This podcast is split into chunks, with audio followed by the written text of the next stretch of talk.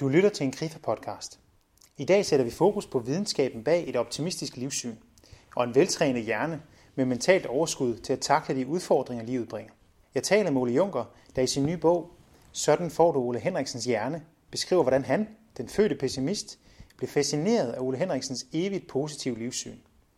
Han satte sig for at undersøge sagen til bunds, i jagten på hemmeligheden bag en positiv hjerne, og for at finde ud af, hvad vi andre kan gøre for at ændre vores måde at tænke på, ja, faktisk ændre vores hjerne. Velkommen til Grifer podcast om alt det, der giver dig god arbejdsløst.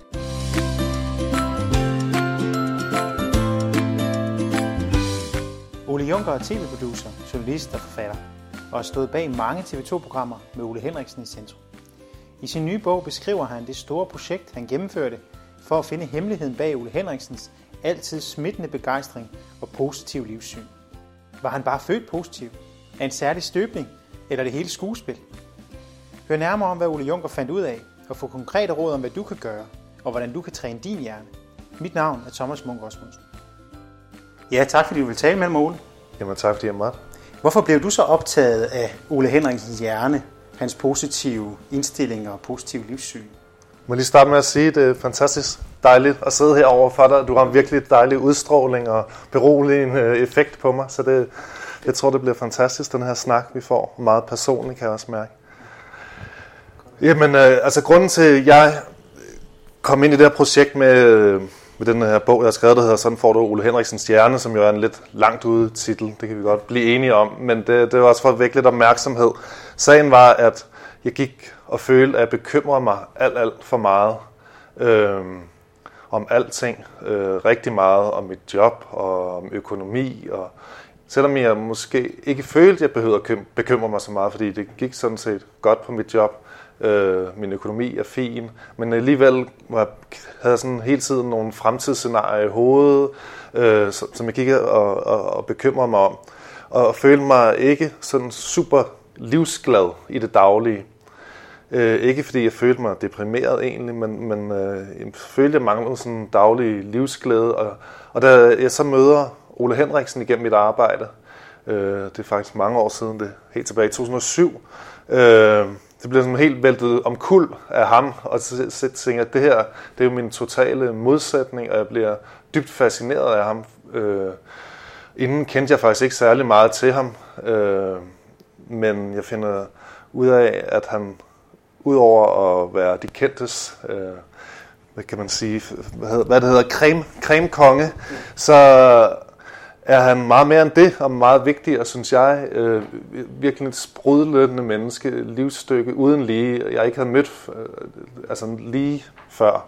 Øh, og derfor blev jeg virkelig fascineret af ham, og jeg kom til at arbejde med ham flere gange. Jeg er tv-producer eller tv-journalist, og har lavet en del tv-serier med ham til TV2.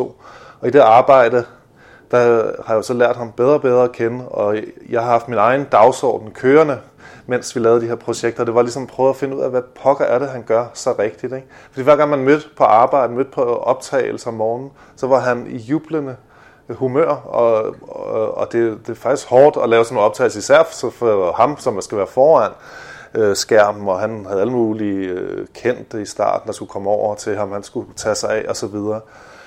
Øh, og alligevel var hele dagen, øh, altså det var så sjovt at være på arbejde med ham, fordi han gjorde det til en fest, og så tænkte jeg, hvorfor er det, jeg ikke kan gøre det samme? Jeg burde jo egentlig kunne gøre det samme. Øh, men det lykkedes mig aldrig rigtigt sådan at knække koden øh, bag ham, selvom jeg tænkte, så blev øh, braget, og jeg læste også en masse bøger om øh, sådan noget positiv psykologi og så videre, for at ligesom prøve at lure nogle tricks. Og så på, på et tidspunkt så kom for den idé, hvad nu hvis jeg tog nogle af de her folk, jeg har læst bøger, de kloge folk, har læst bøger af, øh, og få dem til at kigge på ham, undersøge ham på kryds og tværs og finde ud af, hvad er det, han kan så specielt. Og så faktisk senere hen, så kom jeg på, okay, hvad hvis man lavede en sammenligning mellem ham og mig? Øh, og så er det hele jo lidt morsomt, fordi vi begge to hedder Ole, og, men jeg er sådan øh, væsentligt højere, 30-40 cm højere end ham, en helt anden øh, statur også, og også mentalt er vi helt forskellige. Så derfor var der noget humoristisk i det også. Øh, ja, og så begav jeg os ud på den her rejse, han sagde, så venlig som han er, og generøs som han er, sagde han ja til det her, som jeg også synes var ret vildt. Øh, han er jo en kendt personlighed, og mange kendte ville være bange for, hvad der ville dukke op, når man begynder at scanne deres hjerner og lave personlighedstest og alt muligt. Altså ved billedet krakelere af dem, ville finde ud af, at Ole Henriksen var slet ikke lykkelig i virkeligheden. Men, men det, de overvejelser, eller i hvert fald han, han sagde bare ja med det samme, for han synes, det var så spændende, og han elsker at udfordre sig selv med nye ting, så, så han sagde bare ja til det her, og det var så mit held. Okay, spændende. Så den her, den her start, hvor du bliver optaget af, hans hjerne er meget forskellig fra min egen. Hvordan kan han være så positiv? Det var der, det startede. Ja, Hvad i starten har jeg jo ikke så fokus på hjernen. Der var bare det der med at se hans livsglæde. Okay. Og så det begynder ligesom at dykke ned i det, og vi får det, jeg får det her projekt igennem. Der er nogen, der er så søde og vil øh, på TV2 og sige ja til det. Øh, så begynder at researche og finder ligesom ud af, øh, der er alt det her forskning omkring hjernen, og man kan faktisk ændre den, og det er sådan faktisk forholdsvis ny viden, at man kan gå ind og ind. Før i tiden troede man sådan set, at hjernen var låst, øh, og der ikke var noget at gøre, når vi var blevet voksne, øh, rigtig stort set. Men, øh, men så støder jeg så ind i, i den her neuropsykolog, der hedder John B. Arden, som så bliver min hovedforsker på hele det her eksperiment. Okay. Hvordan i optakten op til, at du møder ham, tænker jeg på, helt konkret, hvad øhm, det her projekt, ja. hvad går det ud på? Hvor lang tid tager det at lave den her undersøgelse af din hjerne sammenlignet med, med Ole Henriksens hjerne? Jamen, det, det er jo et længere projekt. For det første er det noget, jeg har gået og tænkt over i flere år. Øh, og det vil så, så får vi nogle penge først til at udvikle det her og undersøge research på det her område. Ikke? Øhm, og, øh, ja, og dykker så ned i alle de her, og jeg har en researcher på, der hjælper øh, til med det, øh, og som også finder frem til ham her, John Biarden. Og det, der så viser sig, det som vi så bygger det på, øh, det er noget, der viser, at man skal, man skal have som minimum 8 uger, så det er ligesom det, vi siger, okay, så prøver vi, at eksperimentet kører i 8 uger, hvor jeg skal prøve at ændre min hjerne, så den kan blive mere, i hvert fald, som Ole Henriksens. Okay.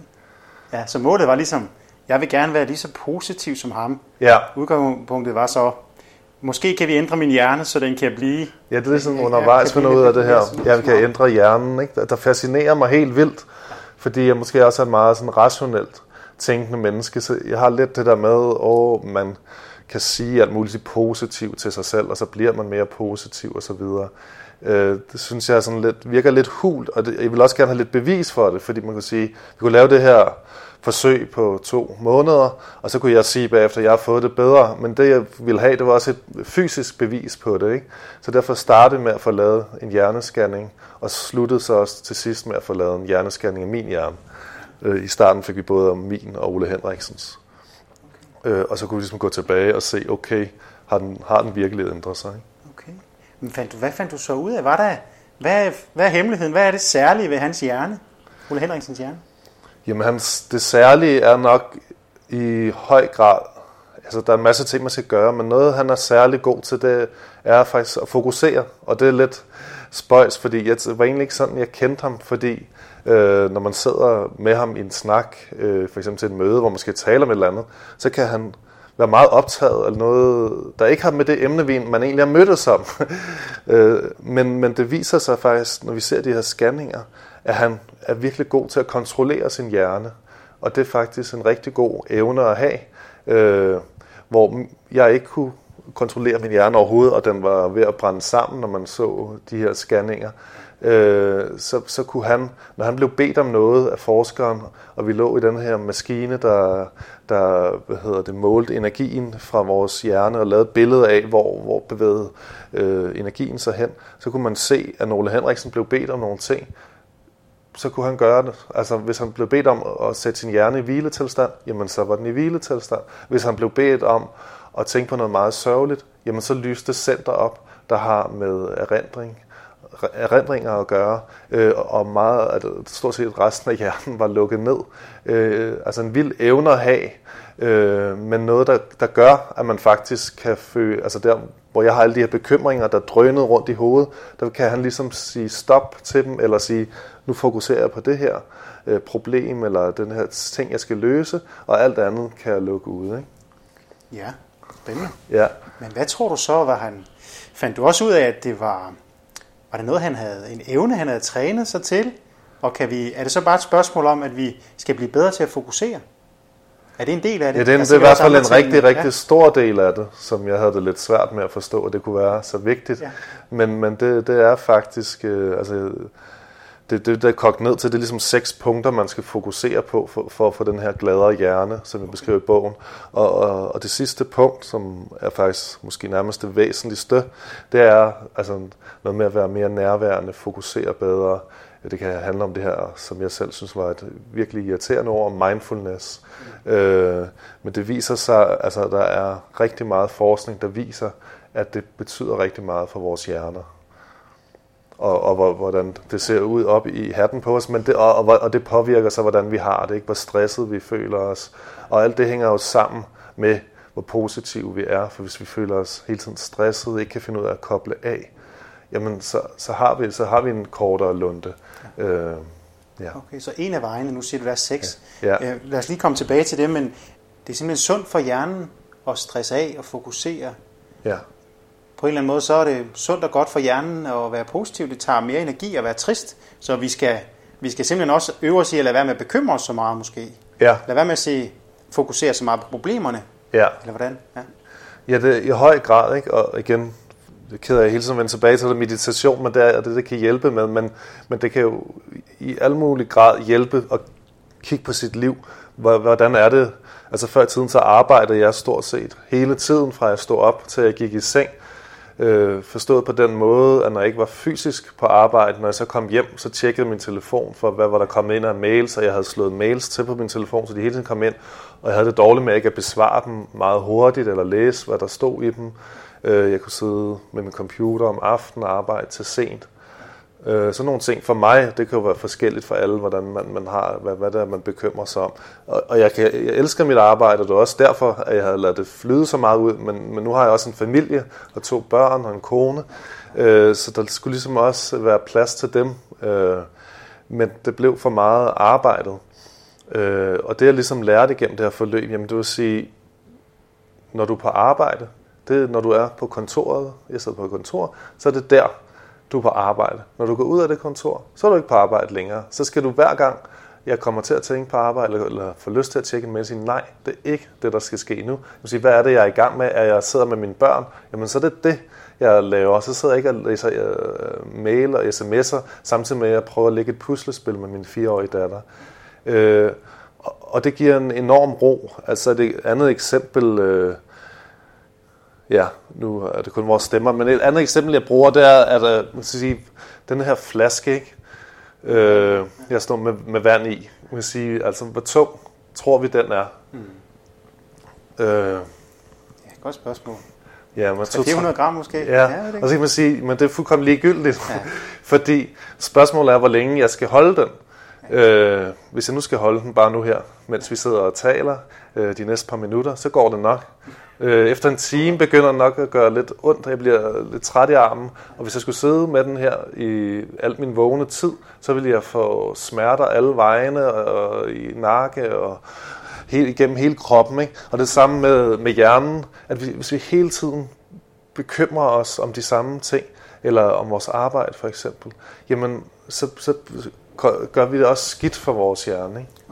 Godt. Så det handler simpelthen om øh, at gøre det godt for vores hjerne i virkeligheden, også for at blive mere positiv, altså finde nogle sunde vaner, som er gode for vores hjerne også. Ja, Ikke stresse, ikke bekymre sig. ja, Hvordan så med, med du nævnte de her seks gode råd, Ja. eller seks øh, faktorer, seks områder, man kunne fokusere Ja. på, hvor nærvær var en af dem. Ja. det her med at fokusere, Ja. være til stede i øjeblikket.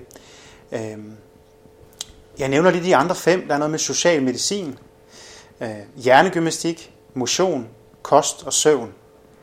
Hvad har du oplevet, du ikke at gå igennem dem alle sammen, men vil du fremhæve måske en eller to, som du tænker, det har gjort en særlig forskel for dig, ja. og sætte ind på det område? Ja, altså jeg kan sige, de, nu er de seks områder. Nu har jeg talt om meditation, så det holder jeg op med at tale med, mere om lige nu. Men, men øh, så vil jeg sige, altså motion og kost og søvn, nu var det, det ikke, det er så ikke et, men jeg vil sige, de fire ud af de seks, synes jeg har været de allervigtigste.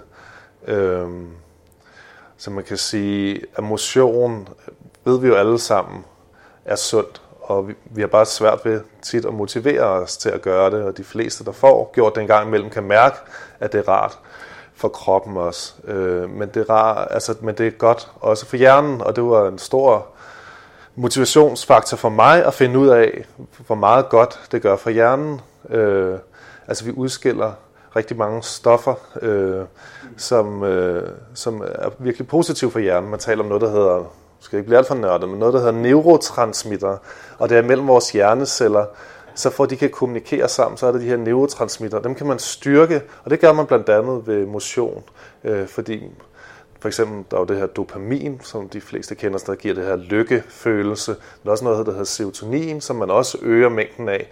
Og man taler om, at hvis man har et lavt serotoninniveau, så er man mere øh, tilbøjelig til at være deprimeret.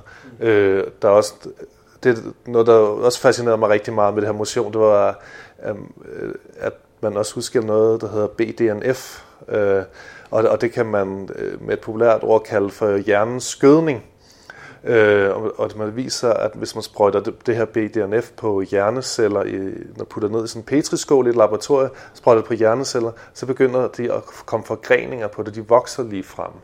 Øh, og det er også med til at skabe nye hjerneceller, nye stamceller i det, der hedder hippocampus, som er vores center for erindring og hukommelse. Det, det er helt vildt, og nu skal det ikke blive for mange tekniske termer, men, men, men det er bare, når man hører alle de her ting om, hvor meget øh, godt det gør for hjernen, så, så det er svært lige pludselig ikke at, at motionere. Det kan man sige. Ja. Og det er simpelthen en effekt af motion. Ja. Så du, øh, efter du har været igennem hele det her projekt og, og haft mange møder med Ole Henriksen, så du, har du simpelthen skruet op for motionen? Ja, ja. Men før, af... altså, årene før der, vi gik, jeg gik i gang med det, der havde jeg ikke motioneret stort set, for jeg synes ikke, jeg havde tid til det.